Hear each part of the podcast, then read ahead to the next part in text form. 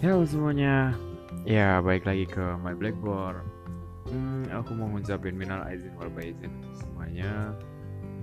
Untuk yang setia mendengarkan atau untuk ya ya teman-teman aku yang banyak sekali aku buat salah mereka. Banyak sekali aku ngejek mereka. Hmm, kali ini aku ingin bilang udah ya.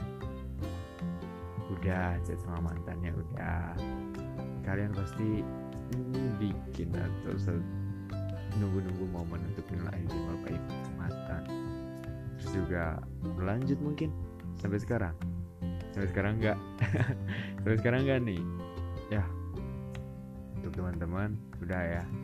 Mungkin yang udah ya harus kita syukuri dan harus kita bilang yang udah tetap udah dan yang belum tetap menjadi misteri tapi untuk kalian yang kalau misalnya emang mantan kalian itu masih jomblo dan kalian masih jomblo terus kalian masih punya ya rasa sayang mungkin dan kalian ingin balikan ya kalian usahakan. Tapi untuk teman-teman yang kalau misalnya mantannya udah pacar dan mereka udah bahagia terus kalian nunggu momen minal izin dan mungkin kalian masih sayang kalian ingin balikan dengan dia sudah.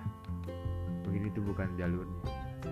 Jadi cukuplah.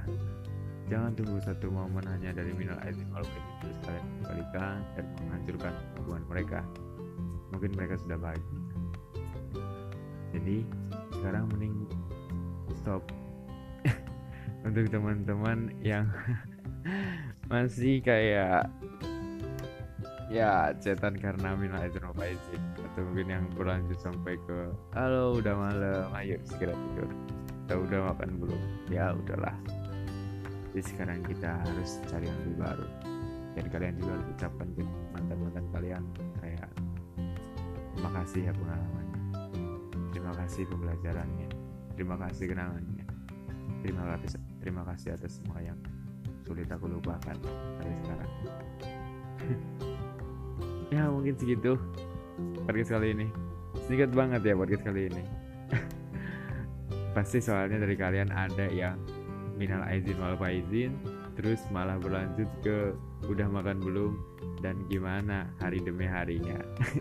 Kayak gitu ya. Oke mungkin sekian ya. Bye. Oh ya yeah. keep calm and try to do anything with this my blackboard. Bye